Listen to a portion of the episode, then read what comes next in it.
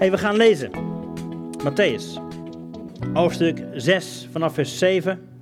Als u bidt, zegt Jezus, gebruik dan geen omhaal van woorden, zoals de heidenen. Want ze denken dat ze door de veelheid van hun woorden gehoord zullen worden.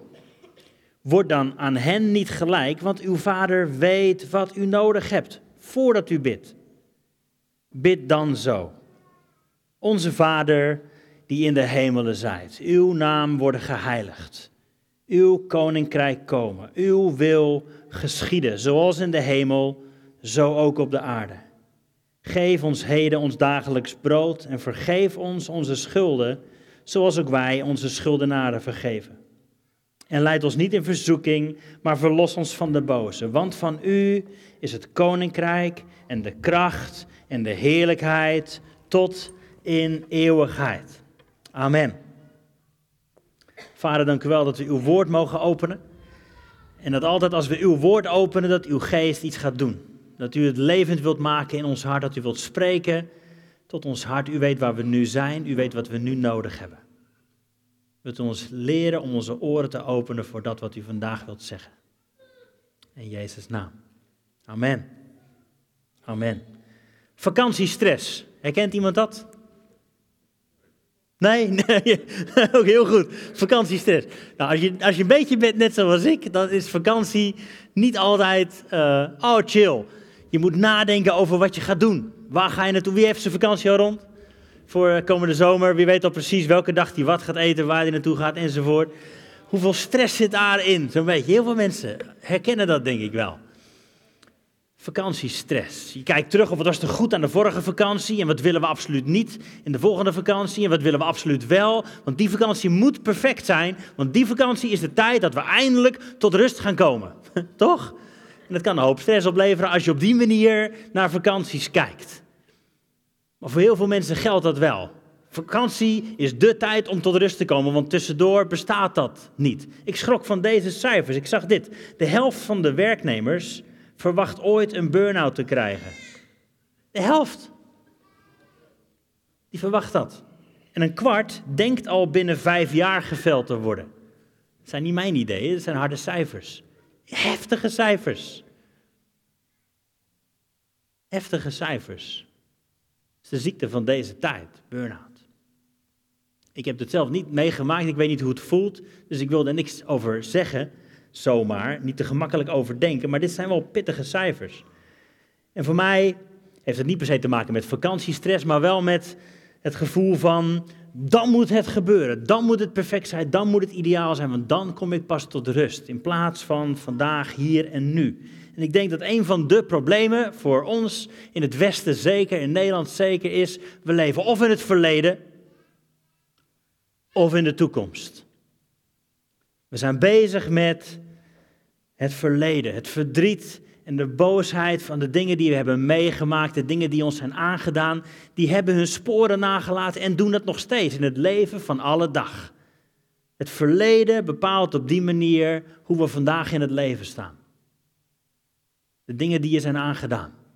De verkeerde keuzes die je ouders of je vrienden of je familie of andere mensen hebben gemaakt. En die een invloed op jou hebben. Waar je boos, verdrietig, bitter over kunt zijn. Het verleden heeft een invloed op hoe je vandaag in het leven staat. En dat is realiteit voor heel veel van ons. Ik denk voor de meeste van ons. Op een of andere manier moeten we daar een, een vorm in vinden hoe we daarmee dealen. Maar als je niet uitkijkt, blijf je leven in het verleden. Leven vanuit spijt. Leven vanuit pijn. Dat is wat je leven kan beïnvloeden. Spijt of schaamte of misschien wel trots. Maar op een of andere manier heeft het verleden een overheersende invloed op hoe je vandaag in het leven staat. We leven of in het verleden of in de toekomst. Onzekerheid. Hoe ziet de toekomst eruit? Wat gebeurt er over een jaar? Nou, over een week. We weten niet hoe het leven over een week eruit ziet. Ik ben in mijn hoofd alweer stiekem bezig met, oh flip, wat gaan we doen als corona terugkomt? In najaar moeten we dan. Maar de waarheid is, we hebben geen idee. Er is zo'n onzekerheid over hoe de toekomst eruit ziet. En dat kan vandaag verlammend werken. De toekomst heeft in die zin invloed op hoe je vandaag in het leven staat. We, of, we, of we zijn juist bezig met continu plannen maken en we hebben daardoor de illusie van controle, zeg maar. Als ik alles maar plan, dan heb ik controle over mijn toekomst. Als ik alles maar plan, nou, dan weet ik zeker dat het goed gaat komen. De illusie van controle. Of de toekomst speelt op deze manier mee. We zijn altijd bezig met, we willen anders dan hoe het nu is. We zijn niet tevreden met hoe het nu is. We moeten meer, beter, groter, anders in de toekomst. En dat bepaalt hoe we vandaag in het leven staan. Of, en dat is denk ik ook iets van de tegenwoordige tijd of van deze generaties, we willen onze opties open houden. waar? FOMO. Kom je volgende week op mijn verjaardag? Ja, misschien. dat weet ik nog niet, want misschien is er wel een leuker feestje wat ik ga missen als ik ja tegen jou zeg. misschien spreken we dat niet op die manier uit.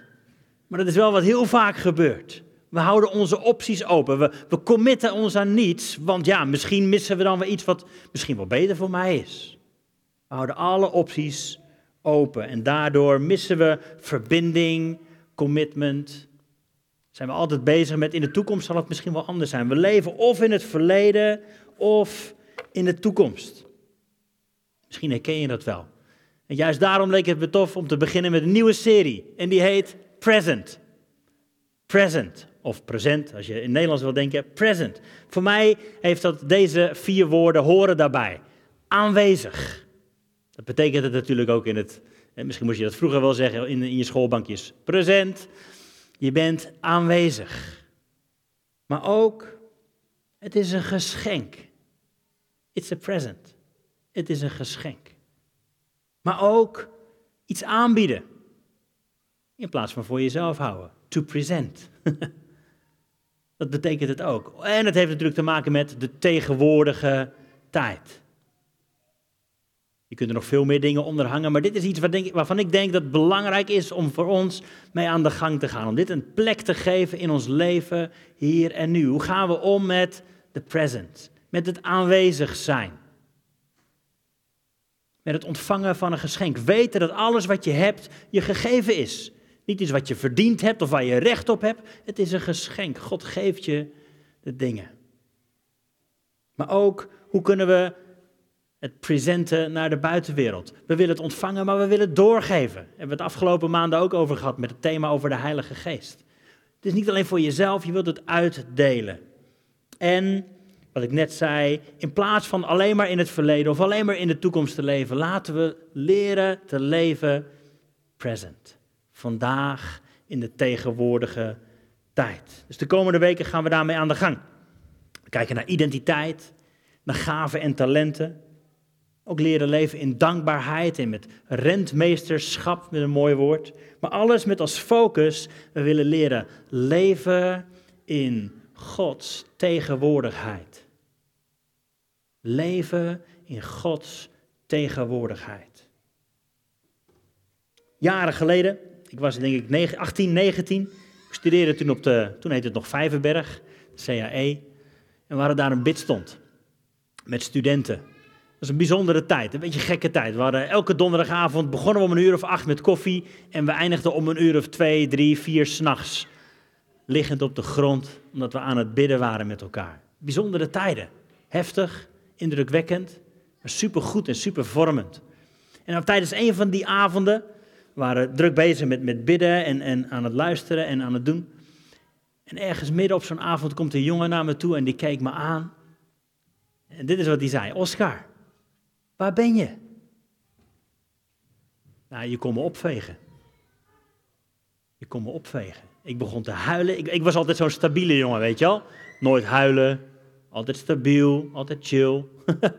maar toen hij dat vroeg, hij keek me aan. Het was alsof de ogen van God me aankeken. Oscar, Waar ben je?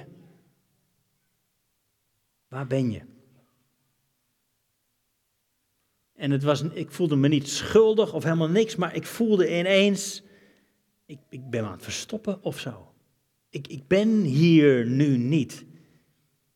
Ik was ook altijd bezig met toekomst of verleden. Maar die eenvoudige vraag die God ook stelde aan Adam, weet je nog in de tuin. Adam, waar ben je?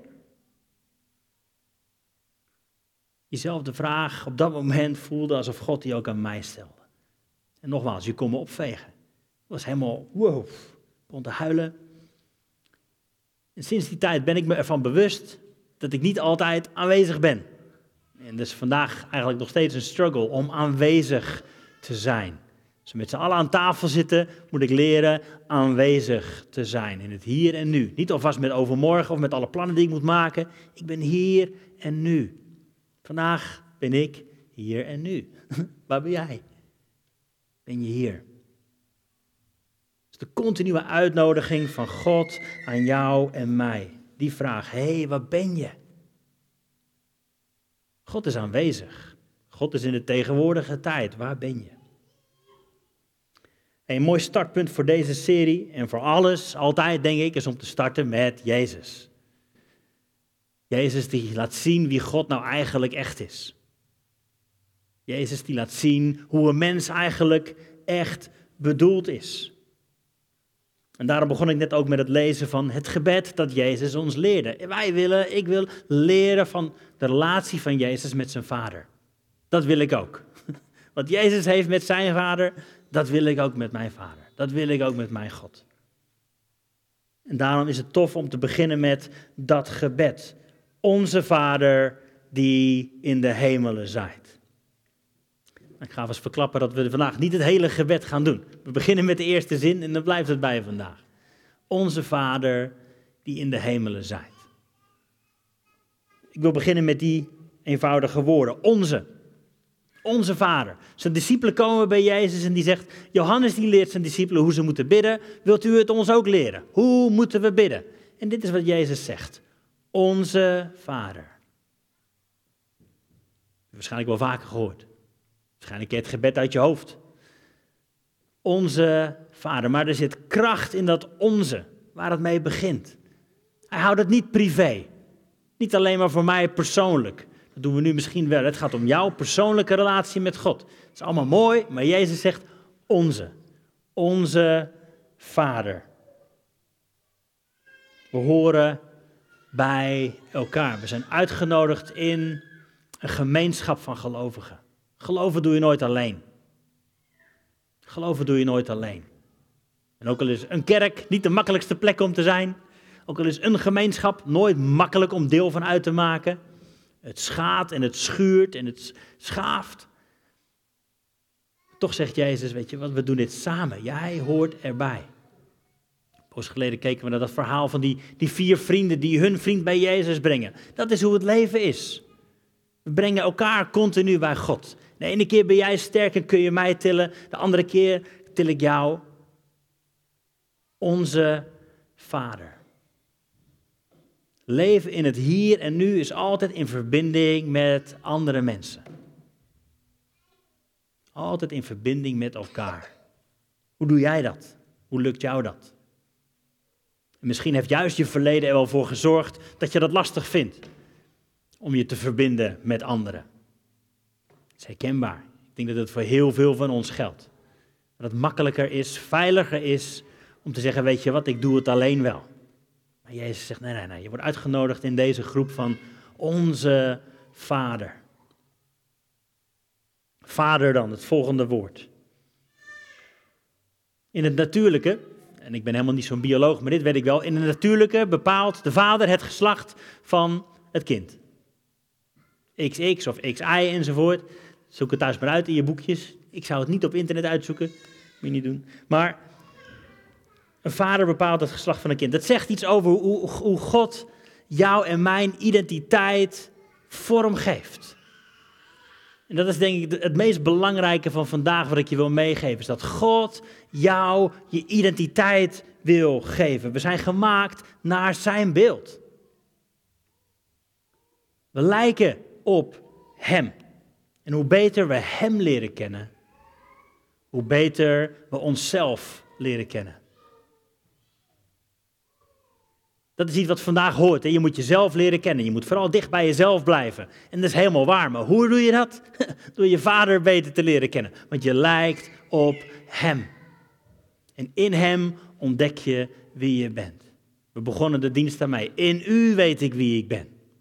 In u weet ik wie je bent. Dat is wat een vader doet. Als het goed is. Je identiteit bevestigen. Het mooie in je naar boven roepen.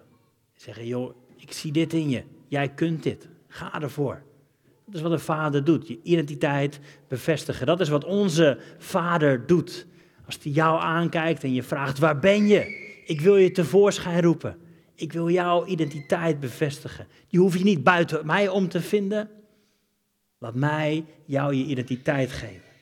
Dit is wat een vader ook doet. Je voorzien in twee van de meest belangrijke basisbehoeften van een mens, van een kind.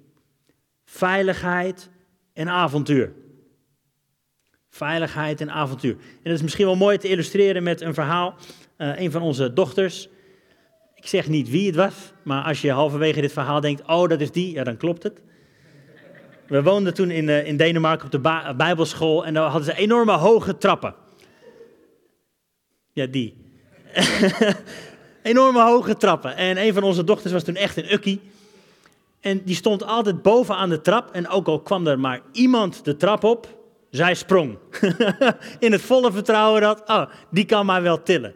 Maar dat is waarschijnlijk wat je thuis ook wel gedaan hebt, toch? Bovenaan de trap staan en zeggen, papa, vangen. En je sprong. Dat is wat een vader doet. En die zet je nog een trapje hoger en nog een trapje hoger en nog een trapje hoger. En daarin komen avontuur en veiligheid samen. Ja, of inderdaad je kind omhoog gooien in het zwembad of buiten het zwembad, maakt niet uit. Hoe hoger, hoe leuker. Avontuur en veiligheid.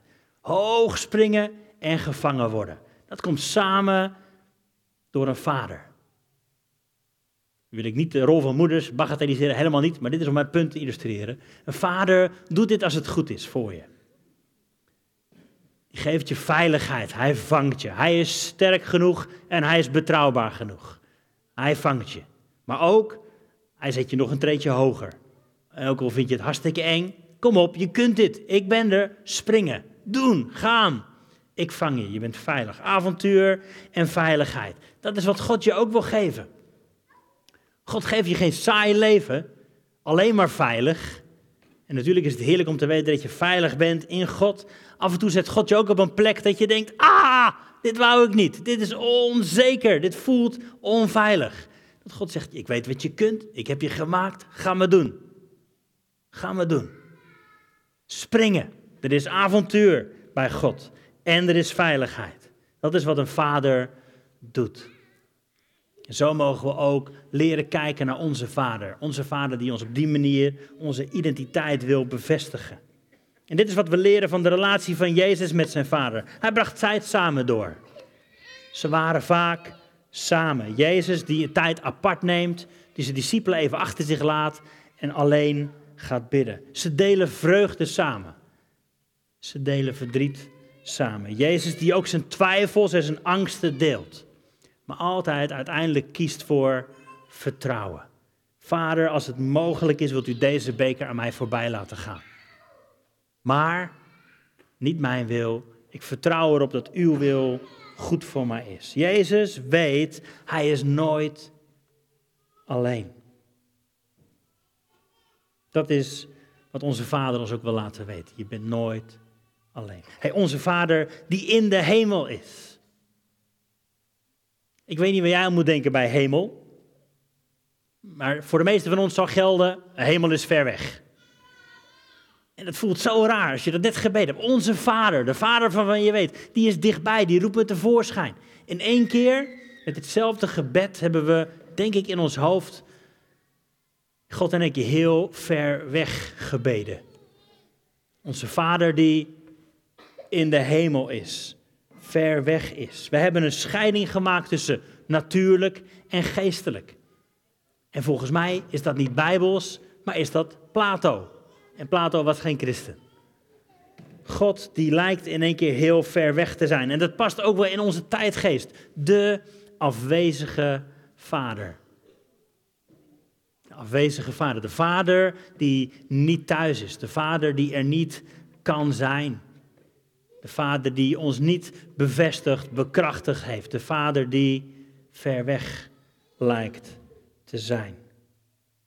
is herkenbaar. Ik ben ook een kind van gescheiden ouders. Dit is ook deel van mijn verhaal. Een afwezige vader. Wat doet het met je?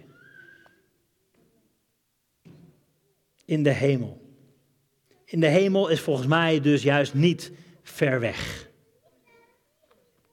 Dit is een manier om ook te denken aan de hemel. Het is Gods wereld. Wij kennen een paar dimensies, hè? lengte, breedte, diepte. Dan heb je het wel eens een beetje gehad, misschien nog tijd. Maar volgens wetenschappers zijn er wel tien dimensies. misschien is God juist wel in een van die onzichtbare dimensies die we niet kunnen voelen, zien of meten. Waarvan we weten, daar is God. Voor ons is de hemel misschien onzichtbaar. Voor God is hemel en aarde één geheel. Dit hoort bij elkaar. Het is Gods werkelijkheid. In Gods werkelijkheid kon het lichaam van Jezus door muren lopen. Dat is wat er gebeurt in de hemel. Het Griekse denken gebruikt het woordje uranos voor hemel. En in de Bijbel kom je dat woord wel vaker tegen. En vaak wordt het gebruikt voor uitspansel of daarboven. Maar vaak wordt het ook gebruikt voor lucht, adem, heel dichtbij. En in de Bijbel zien we dat hemel en aarde elkaar ontmoeten in de tempel. En Jezus noemt jou en mijn lichaam een tempel van de Heilige Geest. Zo dichtbij wil de hemel komen. Misschien is het mooi om daarmee aan de gang te gaan. Telkens als je dit gebed bidt, onze Vader die in de hemel is, even stil te staan en te zeggen, waar is die hemel dan? Heel dichtbij. Heel dichtbij. Nogmaals, altijd goed om te beginnen bij wie Jezus is. Jezus die laat zien dat God juist heel dichtbij is. Jezus die zelf God met ons is. Johannes 1 zegt het zo: Het woord van God is vlees geworden. Gaat het over Jezus? Hij is vlees geworden en hij heeft onder ons gewoond. Een andere vertaling zou kunnen zeggen: Hij heeft zijn tent bij ons opgezet. Hij heeft onder ons getabernakeld. Hij heeft bij ons gewoond. We hebben zijn heerlijkheid gezien. Een heerlijkheid als van de enige geboren van de Vader. Vol van genade en waarheid. God die met ons is. God die bij ons is. Maar het gaat een stapje verder. God die in ons wil wonen. God die in ons woont met zijn Heilige Geest. Johannes 15 vertelt het verhaal over de wijnstok en de ranken. Jezus die dat uitlegt. Blijf in mij en ik blijf in u. Zo dichtbij wil hij komen. Blijf in mij en ik blijf in u. Johannes 17, waar Jezus dat andere gebed bidt. Vader, u in mij en ik in hen. En wij samen in hen en zij in ons. Zo dichtbij wil God komen. Dat is waar ik mee begon. De leven in Gods tegenwoordigheid. Dat we ons bewust worden van Gods aanwezigheid hier en nu. Natuurlijk super tof hè, hoe Nick dat lied begon. We, we bidden tot dezelfde God als waar David tot bad. Als waar Mozes een innige relatie mee had. Als die Maria een relatie mee had. De, de God van de Bijbel. Maar ook de God van hier en nu. Hij is dezelfde. Hij is ook hier en nu. Dat is, denk ik, zo belangrijk om het de komende serie mee aan de gang te gaan. Hoe, gaat, hoe ga jij om met de realiteit van Gods aanwezigheid? Hoe bid je dat gebed? Onze Vader die in de hemel is. Weet je dan dat hij dichtbij is? En als je realiseert dat God dichtbij is, verandert alles. Verandert alles. Ook onze identiteit. Ik ben een leuk boek aan het lezen. Dat heet Atomic Habits. Ik weet niet of je het kent. Het gaat over hele kleine gewoonteveranderingen. Superleuk boek, heel interessant.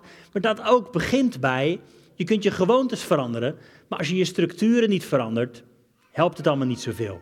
Je kunt je structuren veranderen, maar als je niet anders naar jezelf gaat kijken, blijf je hetzelfde doen. Je gewoontes veranderen bij je identiteit. Je dagelijks leven verandert als je weet wie je bent in Jezus. Als je anders naar jezelf gaat kijken, als je gaat kijken door de ogen van God naar jezelf. En ik denk dat dat de uitdaging is voor ons in deze tijd, waarin het zo erg gaat om weten wie je bent, blijf dicht bij jezelf, is dat wij leren zeggen, ik ben met Christus gekruisigd. Galaten 2. Dit is wat Paulus ons leert. Ik ben met Christus gekruisigd. En niet meer ik leef, maar Christus leeft in mij. En voor zover ik nu in dit lichaam leef, leef ik door het geloof in de Zoon van God, die mij heeft liefgehad en die zichzelf voor mij heeft overgegeven. Dit is onze identiteit. Niet meer ik die leef, maar Christus in mij. Is een uitdaging in deze tijd. Natuurlijk dicht bij jezelf blijven, tegelijk weten, ik ben wie God zegt dat ik ben. Ik ben niet verlaten, ik ben niet alleen. Ik hoef het niet alleen te doen. Ik hoef niet aan verwachtingen van andere mensen te voldoen. Ik hoef niet mijn geld uit te geven wat ik niet heb, om spullen te kopen die ik niet nodig heb, om indruk te maken op mensen die ik helemaal niet aardig vind. Dat hoeft niet meer. Dat is niet mijn identiteit. Ik ben wie God zegt dat ik ben. Onze identiteit is in Christus, hier en nu. En als wij in Christus zijn, dan zijn ook al die beloften ja en amen, zoals de Bijbel zegt. Al de beloften voor Jezus gelden ook voor jou en mij. 2 Korinthe staat dit. Immers, zoveel beloften van God als er zijn, die zijn in Jezus, ja, en in Jezus, amen. Tot verheerlijking van God door ons. Ik ga samenvatten en afronden. Deze serie, de komende vijf, zes weken, willen we leren leven in Gods tegenwoordigheid. Onze Vader die in de hemel zijt. We worden uitgenodigd in relatie met elkaar, met de Vader die ons gemaakt heeft, die zo dichtbij is als de adem die we inademen. Jezus laat zien dat God dichtbij is, dat hij in ons wil wonen. En hij wil onze identiteit geven en bekrachtigen. Je bent niet alleen. God is bij je. Waar ben jij? Waar ben jij? Hoeveel tijd besteed jij met het leven in het verleden of in de toekomst? Wat helpt jou om je hier en nu bewust te worden van Gods aanwezigheid elke dag? Heb het daar met elkaar over in je kleine groepen. Wat helpt jou om je bewust te worden van Gods belofte voor jou? Je hoeft het leven niet alleen te doen. God wil je dragen.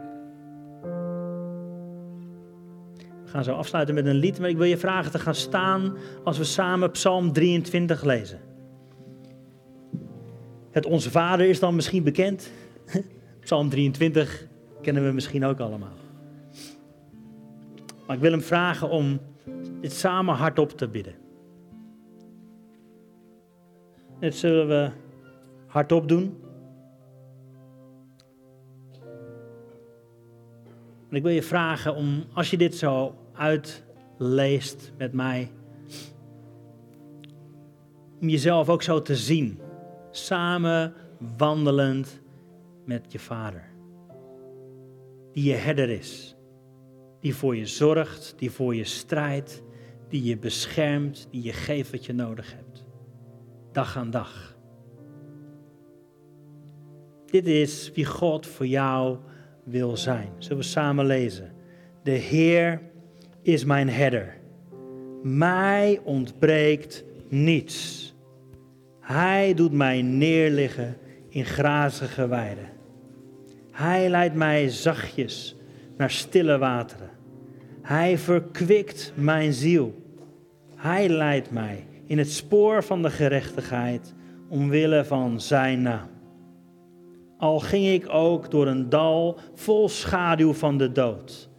Ik zou geen kwaad vrezen, want u bent met mij. Uw stok en uw staf, die vertroosten mij. U maakt voor mij de tafel gereed, voor de ogen van mijn tegenstanders. U zalft mijn hoofd met olie en mijn beker vloeit over. Ja, goedheid en goede tierenheid zullen mij volgen, al de dagen van mijn leven. Ik zal in het huis van de Heere blijven tot in lengte vandaag. Dank u God dat u onze herder bent. Dank u wel dat u zegt dat u onze ziel verkwikt. Dat u onze ziel herstelt, gezond maakt, geneest, reinigt en heel maakt. Dank u wel dat u dat vandaag ook wil doen. En daarom willen we ook als we dit volgende lied zingen, samen bij u komen en zeggen, ik, ik geef mijn leven opnieuw aan u. Die gebieden van mijn leven die ik moeilijk vind, die pijn doen, die onzeker zijn, ik geef ze vandaag aan u. Leer mij te leven in uw tegenwoordigheid.